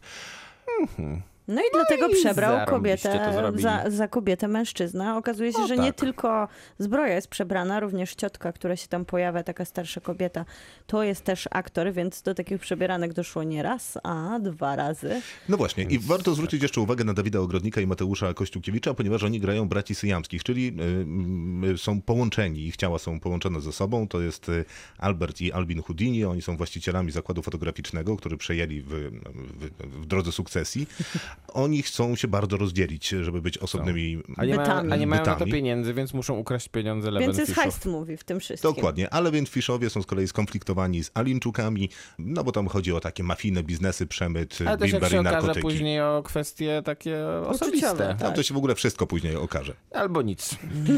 Zależnie od interpretacji, chociaż zbliżam się do twojej. No i tyle. I w zasadzie można by było powiedzieć, że to I wszystko, co? można by było powiedzieć, że to wszystko, co się później wydarza, jest nieistotne i można by było ten scenariusz uprościć do maksimum, ponieważ nie do końca w tym filmie chodzi o historię, bo to nie jest Guy Ritchie, którego będziemy recenzować dzisiaj, gdzie historia jest zagmatwana, ale postaci wyraziste, no więc to wszystko nam się składa. Tu postaci są wyraziste, bo tu wszystko jest wyraziste. E, Sposób kręcenia jest e, taki bardzo fluorescencyjny. Jest. Gra aktorska jest dyskusyjna, ale same postaci są narysowane bardzo grubą kreską, żebyśmy zrozumieli, jaka jest Ich intencja motywacje. i kim Od razu oni są. wiemy. W pierwszym Dokładnie. zdaniu, w pierwszym zdaniu, które wypowiada każda z postaci, wiadomo jaka jest, jaka jest jej charakterystyka. Tak, tak. rzuciła, Jedyny rzucała problem nam- jest z Małgorzatą Gorol, bo ona wypowiada pierwsze słowo chyba w, po półtorej godzinie filmu. I, Pe- bu- z i bu- pewnością porozmawiamy jeszcze o, o całej tej ob- fantastycznej obsadzie. Zostańmy na chwilę przy tej y, historii. Dobrze. No ta historia mi się wydaje, że ona by super e, wybrzmiała, gdyby zostawić to na takiej prostocie westernu, czyli mamy rywalizację, przeciwne dwie ze sobą walczące grupy, no i gdzieś ten coming relief w postaci tych dosyć ciekawych, odtrąconych przez społeczność braci syjamskich, którzy wprowadzają taki element wytchnienia pomiędzy strzelaniną, która byłaby idealna w westernie. Okej, Ale no to- strzelaninę dostajemy dopiero w finale, a całość jest zaplątana w jakąś niesamowitą ilość wątków emocjonalnych, Nie, historii nie, z w sensie- przeszłości. I Ja- to wszystko chociaż na to nie przykład... mogło wybrzmieć, bo to nie ma sensu. Naprawdę. No ale jest... jakbyś nie dodawał tego zbyt, temu zbyt dużego sensu, mamy dwie. Nie, nie, nie, ale Maciej Bochniak i Mateusz Kościukiewicz nie dodają temu żadnego sensu, bo nie potrafią tego zrobić, bo ta historia po prostu nie, nie płynie w żaden sposób. Nie ma, nie ma, żadnej, nie ma żadnej logiki. Te sceny wy, wy, wypływają niby z siebie, ale z drugiej strony tak naprawdę to jest wszystko poskładane w taki sposób, jakby, jak jakby układać jakieś takie klocki, te gagi, które w ogóle nie są zabawne i to jest bardzo duży problem, bo ten film jest absolutnie na poważnie, tak mi się wydaje przynajmniej i, i y, jeżeli to było zaplanowane, żeby nie było na poważnie, no to to jest tym bardziej nieudane. Bardzo nieudane, bo to jest strasznie suche, czerstwe i takie... No to jest taki nieudany stand-up momentami, No naprawdę. strasznie nieudany, tylko Taki powinien grać gdzie jakby, staje, jakby, uwaga, jakby postać Abelarda Gize, to byłoby kobietę. chyba. O Jezus, no to mężczyzna przebrany za kobietę, no naprawdę coś niesamowitego jak na 2021 rok. Po prostu Maciej Bochniak odkrył Amerykę, że można przebrać mężczyznę za kobietę. Tak się robiło w starożytnej Grecji. No właśnie, wydaje się, że ten film jest momentami bardzo archaiczny w takim podejściu, że naprawdę trzeba przebrać Borysa Szyca za zbroję Levenfish, To żeby... ja powiem, trzeba. nie trzeba i nie wolno było tego zrobić. To jest jedna z najbardziej obraźliwych rzeczy, jakie powstały w polskim kinie ostatnich lat. Ja nie wiem, czy jest obraźliwa, jest po prostu niedziałająca i nietrafiona. Natomiast z drugiej strony widać, że Maciej Bochniak ma odrobioną lekcję z oglądania filmów, bo nie To było też widać w Disco Polo już. Tak, bo tam nie brakuje im, y, inspiracji jakby dużymi nazwiskami, bo jest i tam y, Tarantino, jest Sergio Leone, e, są y, całe motywy wyciągnięte z westernów, pewnie trochę tego Gaja Ricciego No ale z kolei znaleźć. ci bracia Siamsy na pewno jest trochę Chaplina, trochę te, takich, takich inspiracji. W ogóle jakiegoś takiego slapsticku. Tylko, że problem polega na tym, że żeby zbudować taki film, który miesza tropy, gatunki filmowe, idee, sceny, e, w dodatku chce się zrobić z tego kino akcji, kostium I komedię. i chce się, żeby było momentami zabawnie, to trzeba być bardzo kompetentnym reżyserem. Bardzo. I Ja Maciejowi Bochniakowi nie odbieram kompetencji jako takich, ale wydaje mi się, że po prostu nie ma aż takich. Ja Nie, bym nie, jeszcze Maciej- dodała do tego, że trzeba być kompetentnym, e, jeżeli chodzi o scenariusz. I tam no tutaj też. to w ogóle żadnych I tam kompetencji. i to same bycie reżyserem chyba by tutaj nie pomogło na tak chaotyczny i to jednak wydaje mi się zbyt ambitny pomysł, który działał na przykład w Darku, gdzie te postaci łączyły się, a tutaj zapraszamy plejadę gwiazd, ale one zupełnie to trzeba by było z infografiką oglądać. Ale wiesz, no te Plejada też Gwiazd też mi tak się- gra jakby obok siebie. No oni grają te sceny, ale to nie ma żadnych interakcji takich realnych między nimi, no chyba, że rzeczywiście jest na scenie, jest na, jest na ekranie Andrzej Chyra, który, który prawdopodobnie No jako ten... kulesza. No nie wiem, Agata Kulesza gra z zaciśniętymi zębami i robi coś, co niestety robi często w filmach ostatnio, czyli e, no gra na takiej jednej nucie i jednej minie i nie za bardzo jest tutaj jakaś emocja. Ja mam największy problem z tym, że Maciej Bochniak i nie wiem, czy do końca mogę się zgodzić z tym. On jest pewnie kompetentny, ale on jest bardziej kompetentny chyba w e, historii kinematografii niż, e, niż w e, umiejętnościach opowiadania e, i narracji, bo to, że on e, się inspiruje, e, to widać, w- to widać w obydwu jego tych pełnometrażowych filmach. Ale on się nie inspiruje w jakiś sposób bardzo mm, inspirujący, że tak powiem, nomen omen, czyli nie jest to inspiracja, która by prowadziła do czegoś ciekawszego i większego, tylko on się po prostu inspiruje po prostu po, poprzez kal kalkę. Rozumiem, Taką a- prostą kalkę. ale nie, niespecjalnie mi to przeszkadza, bo żonglowanie takimi kalkami też może być y, dobrą metodą na zrobienie filmu. Tylko problem polega na tym, że on ma strasznie skomplikowany plan, bo na tym planie dużo się dzieje. Jeżdżą konie, jeżdżą samochody, ludzie strzelają, jest dużo postaci, te postacie wszystkie trzeba skontrolować, każda ma swój w zasadzie motyw muzyczny, no więc generalnie jest szał na tej planie. W dodatku pół scenografii dobudowali, zmieniają lokacje. Ale tutaj Więc można wydaje mi się, że. za Już scenografię. prawie skończę. E, Że jeżeli chodzi o organizację planu, to on jest takim reżyserem on-site, który tam jest i ogarnia rzeczywistość na miejscu, pewnie całkiem przyzwoitym. Tak, tylko Może to zapominam brzmi jak historii, tak? kierownik Dokładnie. planu, a nie jak Totalnie reżyser. przydałby mu się drugi człowiek, który Znaczy, pilnowałby On historii. mógłby być właśnie, on, on, on prawdopodobnie ma bardzo duży wpływ na to, jak wyglądają te zdjęcia, więc pewnie mógłby do pewnego stopnia zastąpić operatora. On ma na pewno jakąś wizję tego, jak ta scenografia ma wyglądać. On Nie no, miał, on to na on pewno miał ma na pewno. On miał na pewno wizję, jak mają wyglądać te kostiumy. Ci ludzie mu to zrobili, no tylko, że on to po, poustawiał tylko na tych scenach, a tak naprawdę to nie opowiedział nic. No tak, no jakby. No, rzemieślniczo zabrakło mu co najmniej je- jednej nogi, no bo jedną nogą reżysera jest jakby zebrać to do kupy, a drugą to wycisnąć z tego historię. No a poza tym rozlazłe to jest strasznie. Jest. I e, to, tutaj nie ma już żadnego usprawiedliwienia, bo jeżeli, e, bo jeżeli ktoś teoretycznie chce opowiadać film, który powinien mieć zawrotne tempo, bo musi mieć zawrotne tempo, żeby móc opowiedzieć te wszystkie historie, a z drugiej strony robi naprawdę takie nudne filmidło momentami, no to, no to, no to tak naprawdę niewiele rzeczy się tutaj zgadza, poza, poza k- niektórymi elementami tego castingu Ja i, myślę, i, dla- tą, i tą głośną muzyką Jana A.P. Kaczmarka, który, mm, która też momentami przeszkadza. Ale ja myślę, że tu jednak ale e, to tempo, dobra. Dobra ja myślę, muzyka, że to, tak. to tempo wielu ludziom nie przeszkadza, bo te złożenie ich, tego filmu z takich serii skeczy czy komediowych e, połączonych ze sobą elementów, które miałyby się w tym finale złożyć w jakąś taką układankę, która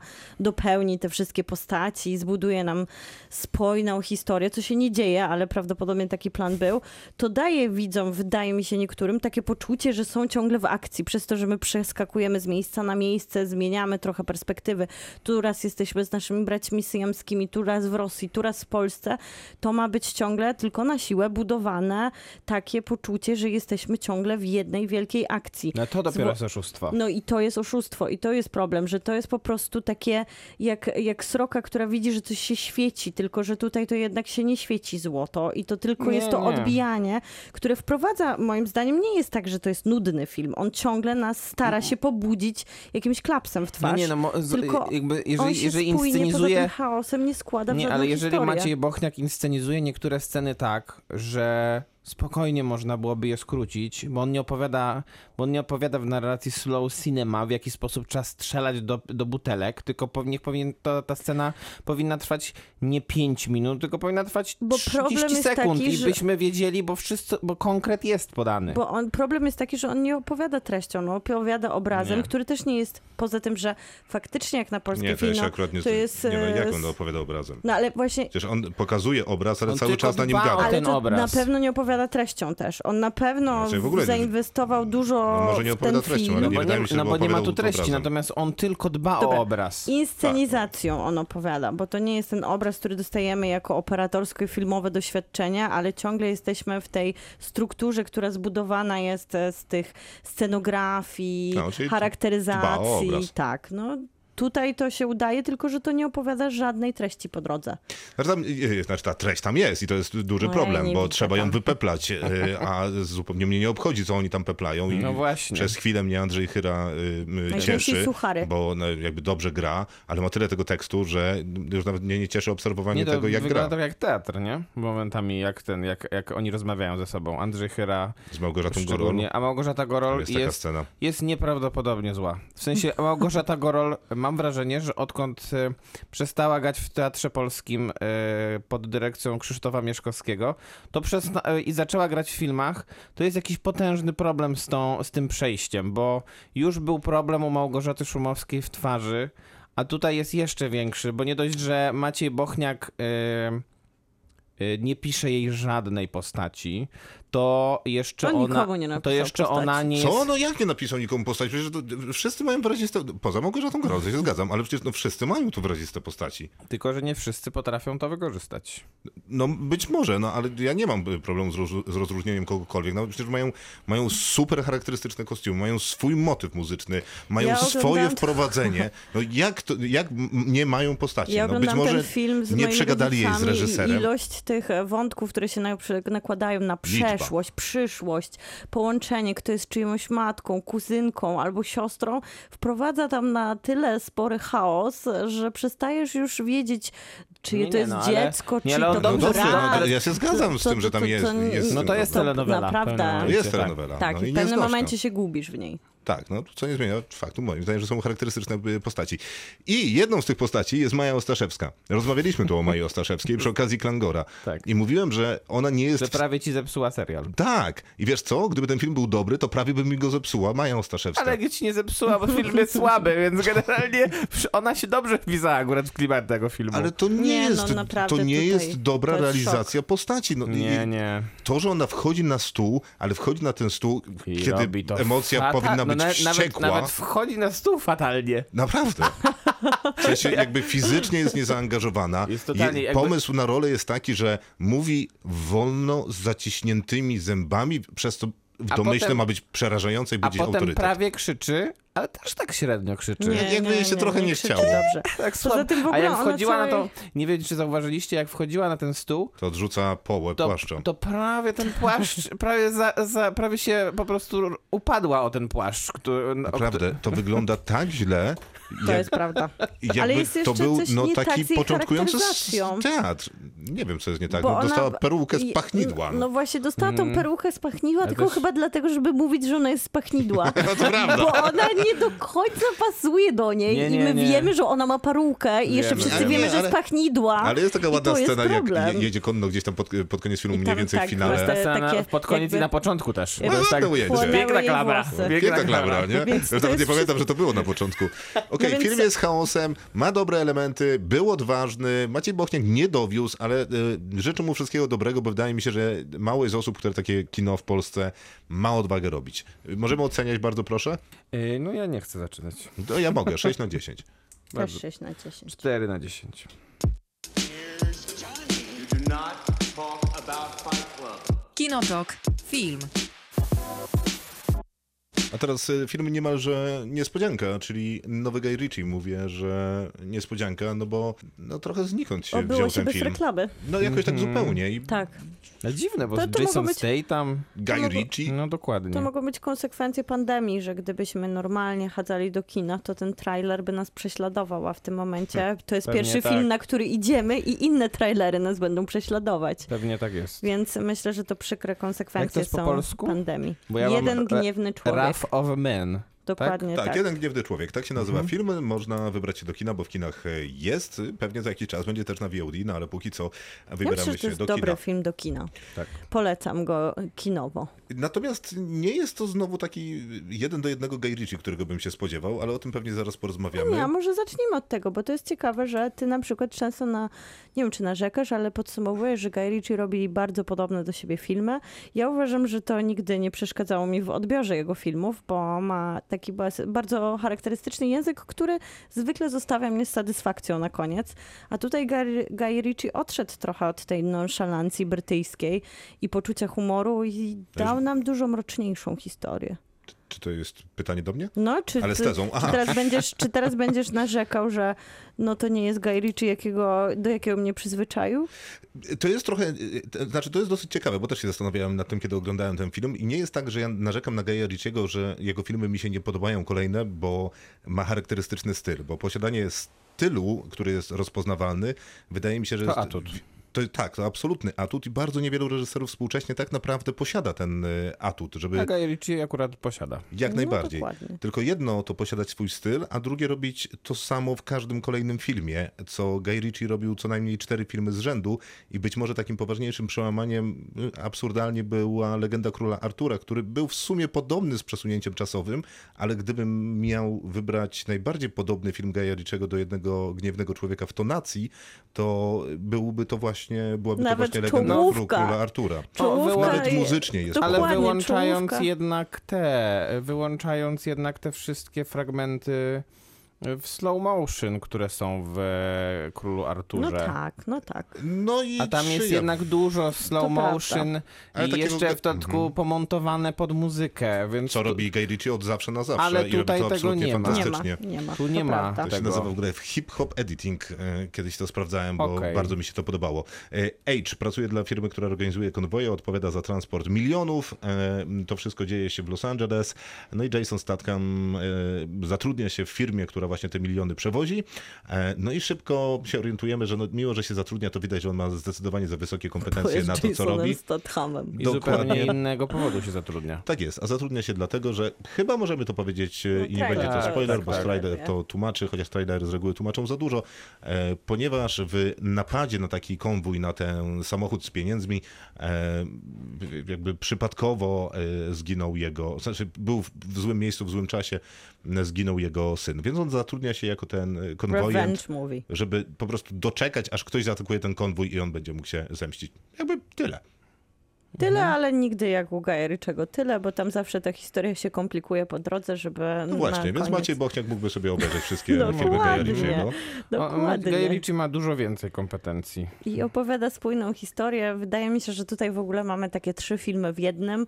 Ja przynajmniej oglądając to byłam zachwycona, że najpierw trochę mamy ten, ten powiew Gaja Ritchiego, taki bardziej klasyczny, czyli ta pierwsza historia o konwojentach, gdzie pojawia się taki męski język, mamy przyrost testosteronu, który się dzieje w tych szatniach, gdzie mężczyźni się poznają, rywalizują ze sobą, ale też przy okazji to jest jakiś komentarz do bardzo trudnego zawodu, na który to spojrzenie jakby jest też takie... Nie, nie, sekunda. Ten film Oni, oni są... nie ma nic wspólnego z tym, jak wygląda Nie praca człowieka nie ma w nic konwoju. wspólnego z komentarzem społecznym na Jest żaden temat. Natomiast ciekawe Ale- jest to, że być może to jest jedna z niewielu rzeczy. To znaczy, on pokazuje, że mm, to jest prywatna robota w Stanach Zjednoczonych. No to, jak wszystko w Stanach to nie jest Zjednoczonych. do końca oczywiste z naszego punktu widzenia, bo, na, bo u nas, e, tak mi się przynajmniej Też wydaje. robią to prywatne firmy. Tak? Tylko? No, na przykład Takie, jakaś- kon, jakiś- ale konwoje, konwoje tak dużych pieniędzy? Regularnie, Na mi, przykład z banku do banku? regularnie mijam e, taką ciężarówkę Mhm. e, firmy planuję ją prywatnej, napaść. pry, prywatnej firmy ochroniarskiej w banku koło mojego mieszkania, jak jadę Mhm. na rowerze, bo zawsze stają na mojej ścieżce rowerowej. Okej. I wiesz, że to jest prywatna A firma. jeżeli to był... Bo e, mają nawet napis y, z nazwą tej No prywatnej ale firmy. jeżeli, a Tylko, jeżeli to byłby właśnie- państwowy bank, to nie byłoby konwojowane przez policję? Wojsko y, y, w Polsce ochraniają prywatne firmy, więc zakładam, że p- polskie to jest banki też są obsługiwane przez Ale prywatne też firmy. to e, w kontekście przepraszam. Stanów Zjednoczonych i. Europy ma zupełnie inny wydźwięk, bo jednak zorganizowanie takiego napadu na konwój w Polsce czy w ogóle w Europie jest dużo trudniejsze, gdzie w Stanach jednak każdy ma dostęp do broni. I to, Tak. je, to Więc- zmienia trochę narrację O, mam pistolet, organizuję napad na konwój. Ale ten pierwszy, pierwszy etap jest o. Tutaj w ogóle Guy Ritchie mówił o tym, że się inspirował francuskim filmem Convoyant, ale później dostajemy też nagle historię o weteranach, która gdzieś w jakiś taki e, zaskakujący sposób jest wpleciona w całą e, narrację. I wydaje mi się, że nawet jest to całkiem sprytnie opowiedziane, żeby nadać e, dosyć absurdalnym czasem ambicjom tej grupy przestępczej jakiegoś takiego minimalnego sensu, bez No nie, e, no, wkładania tam to jakiegoś ma- to e, ma t- sens, traumatycznych I tutaj- elementów. I to jest Jeżeli- super. je- Jeżeli, jeżeli e, chcesz, jeżeli jakiś komentarz w tym filmie jest, to już, to, to już prędzej tu, bo, e, bo rzeczywiście e, oczywiście Guy Znaczy, Ritchie ja pewnie, czytam, Guy, Guy Ritchie pewnie nie chce tego robić do końca, bo on, jednak, bo on jednak robi film gatunkowy po prostu, ale przy okazji udało mu się przemycić jakiś taki komentarz dotyczący tego, w jaki sposób weterani są traktowani w Stanach Zjednoczonych. Coś, co na przykład nie udało się zupełnie filmowi, który oglądaliśmy, który się nazywał Cherry, czyli Mhm. filmowi z No Tomem tak, Hollandem. Ale jednocześnie tyle filmów już podejmowało ten temat weteranów, y, którzy są zaniedbani w Stanach Zjednoczonych, no że dajcie już spokój. Ale to, Ale jest, dobrze, ale to to jest- jest ale to jest- sprytnie zrobione i ma to wkle- sens. wplecione w kino gatunkowe tutaj. Tak, ja uważam, że to jest bardzo no, sprytnie okej, okej, w sensie wprowadzone w Nie widzę w narrację. tym niczego odkrywczego, ale tak, okej. Dobrze, to się zgadza. Znaczy, myślę, że, myślę, że jedyna rzecz, która- rzecz, która jest odkrywcza i odbiera jakby wiarygodność temu, tej, tej całej historii jest to, że ci weterani się zbierają i postanawiają, że będą okradać konwoje. Właśnie nie.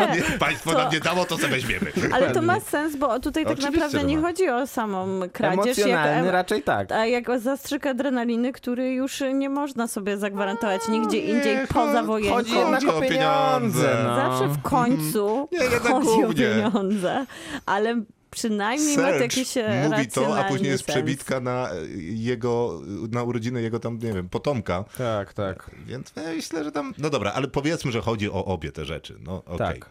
No więc mamy te No i jeszcze filmy, dostajemy, które no i jeszcze i dostajemy ten taki, dostajemy. jeszcze dostajemy w pośrodku taką króciutką część dotyczącą właśnie tego origin story, Mhm. czyli tego w jaki sposób e, Jason Statham znalazł się w tym miejscu, w którym się znalazł i jest o, Kim on jest? odtworzona jakby w, realnej, w realnym czasie ta cała sytuacja związana ze śmiercią jego syna. Mamy No aż w sporo końcu dostajemy finale. ten, ten bombę na sam koniec, ten finał, który jest y, absolutnie powiedziałbym, to nie wiem czy obrażę teraz Gaja Richiego, y, ale on, on jest nawet nie Richowski, tylko on jest wręcz Tarantinowski, dlatego że tylko Quentin Tarantino, y, wydaje mi się, we współczesnym kinie potrafi robić takie sceny, które, które nie przejmuje się w ogóle tym, że ta scena bardzo długo trwa, że ta scena, bo i, i potrafi to opowiadać na jednym poziomie e, napięcia i emocji i to jest po mistrzowsku tutaj zrobione. Naprawdę ten finał jest rewelacyjny.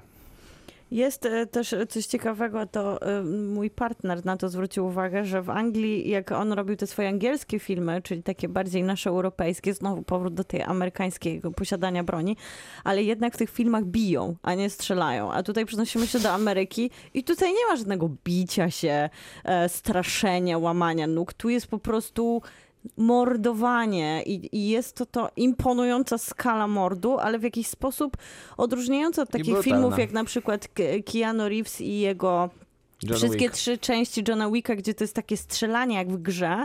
No Tutaj nie, no w pewnym sensie tak, ta e, śmierć jest autentyczna. Nawet my możemy uwierzyć, że taka skala przemocy, gdyby ktoś postanowił zrobić Znaczy, no ta taki śmierć wielki... jest momentalna po prostu. No tak, ale- Następuje bez żadnych emocji po prostu. No przecież w, w- w jednej scenie, y, za- zanim kogoś zabił, Jason Statham władował w niego chyba z pięć magazynków z największej broni, jaką Ale widziałem. we wszystkich innych nie musiał tego robić i strzelali po prostu sobie po głowach i koniec, nie? Nie, no jak? Przecież do wszystkich strzał, bo oni byli jakoś uzbrojeni. Nieważne.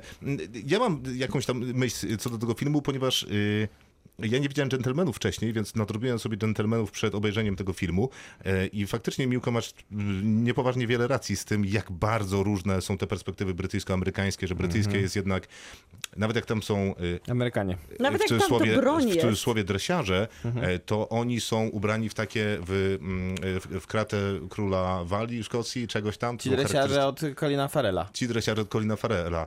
E, I ten film dla mnie jest zupełnie, nie wiem, jest tak bardzo niegajowo-riczowy, że on wyrzucił ten swój charakterystyczny styl do kubła i próbował ukuć e, coś nowego w tym filmie. Mnie to nie przekonuje, zwłaszcza, że mam tych dżentelmenów tak na świeżo, bo to jest trochę taki Guy Ritchie bez stylu i klasy.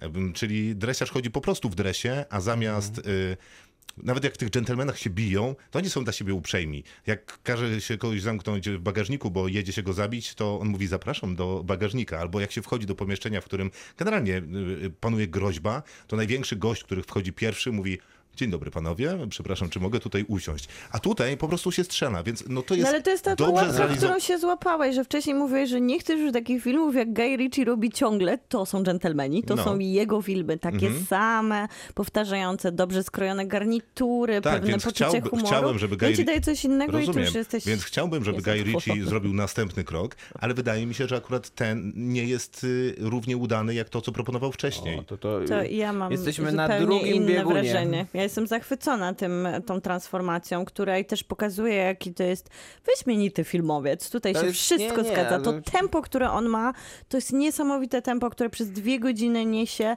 na opowieści o zemście, takiej prostej tak, to jest- historii. to jest najbardziej budowanej na. Jasonie Stathamie, który się mści i jak to jest porównywane do gorączki, tam była jakaś rywalizacja, tam się działy inne rzeczy. Tutaj jest człowiek, A, to który gorączkę. Do, bo to Amerykanie jakieś sfetyszyzowali to, że to jest gorączka Gaja Ritchiego i, Aha, okej, okej. Okej. wszędzie No nie wiem, mi się to bardziej- Zwykle przesada. Jak zwykle przesada. Oczywiście gra. Nie no, mnie się to jednak bardziej Amerykanie. kojarzy z tą serią filmów o Jasonie Statkami, na której zresztą zrobił karierę, czyli o tym, jak jeździł Transporter. lu- transporter luksusowym samochodem i strzelał. Y, Jest tu być może Ten więcej film myśli. ci się kojarzy z tym? Tak, no, no w sensie to jest sprawna sensacja. Ale no nic, wie, nic więcej. Ten Jason Statham ma Nie, taką no to- postać jak... Pff, no okej, Okej, mści no. się super. No to No, nie. Dla mnie jest właśnie to, że mamy takie, takie zmiany, bardzo dużo przeskoków w czasie. Nic nie jest nam łopatologicznie tłumaczone, Tak, jak to nie- bywa nie w wiem- amerykańskich Nie bardzo wiem, filmach. po co są te przeskoki w czasie. Nie, no one się składają w bardzo na- dobrą kuriozalnych historię. napadów na y, konwoje. No ja nie wiem, to historii to jest tam za psi grosz. No nie wiem, właśnie, właśnie wydaje mi się, że jest sporo i tutaj Te Guy, Ritchie, też takie Guy Ritchie pozostaje po prostu Zależy które. No właśnie wydaje mi się, że wizualnym... główna nie jest. Wydaje mi się, że Bullet y, jest taki trochę jednowymiarowy. No nie wiem, no porównując do cegłówki, y, czyli do tych postaci, które Guy Ritchie potrafi tworzyć, to wydaje mi się, że te są dosyć ubogie jednak. Takie są amerykańskie po prostu, to jest wspaniałe, Nie, że nie, on potrafi y, opowiadać jak o ja, jak, ja, jak ja to oglądałem, to wydawało mi się, że Guy Ritchie pozostaje jakby e, w swoim spektrum, jeśli chodzi o sposób wizualnego opowiadania filmu. Tak. A, a z drugiej strony, no w pewnym sensie, no nie wiem, jak opowiada o tym, e, o tych bohaterach, to jest niemalże jakimś Clintem Eastwoodem. To właśnie oni są On- tak amerykańscy, On ja się coś nie dziwię, takiego że... tutaj robi. No, to, jest, to, jest amerykańska wręcz, to jest wręcz aż nazbyt konserwatywne, e, tak bym powiedział. I z, Uwaga. drugiej strony, I z drugiej strony jest bardzo takie właśnie, to, to dobrze, dobrze to nazwać, to jest te postaci i ten film cały jest taki strasznie intensywny i właśnie syty i bardzo taki przytłaczający Mhm. niemalże, bo też przytłaczający muzyką, której jest bardzo dużo i jest bardzo dobra. E, Ja jestem bardzo Co zadowolony. do Clint'a Eastwooda, tutaj gra jego syn, który jest tak niesamowicie do niego podobny, Nie. że to jest aż szokujące. Ale przepraszam, y, Scott Eastwood jest prawdopodobnie jednym z najgorszych aktorów na świecie, On ma ale to serialu. tutaj naprawdę całkiem go nieźle poprowadził Nie, Guy Ritchie. świetnie go poprowadził, bo on faktycznie jest takim e, No, a aktorem serialowym dla Plus, mnie. plus apel, który ja wystosowuję do wszystkich filmowców amerykańskich, żeby w każdym amerykańskim filmie występował Andy Garcia w jakiejkolwiek roli i żeby, żeby chociaż miał jedną scenę, w której mówi parę zdań. Żeby była jasność, ja w będę filmie, zadowolony. W tym filmie ma dokładnie jedną scenę, macie Dokładnie, ja daję 8. Ja też. a ja sześć. I to jest wszystko na dzisiaj w Kinotoku. Podcast będzie jutro, jak zawsze, czyli we wtorek. Bardzo uprzejmie dziękujemy, zapraszamy do subskrybowania. Aha, i y, mamy też Facebooka, I rodzinę, to Kino... To, oczywiście, mamy też Facebooka, to Kinotok. Podcast. E, I tam, gdyby ktoś zechciał kliknąć polubienie, to by było super. Będziecie mogli brać udział w cyklu cyklicznym, czyli w robocie. Bardzo dziękujemy. Krzysztof Majewski. Miłosława Bożek. Maciej Stasierski, dobranoc. Kinotok. Tuż przed wyjściem do kina.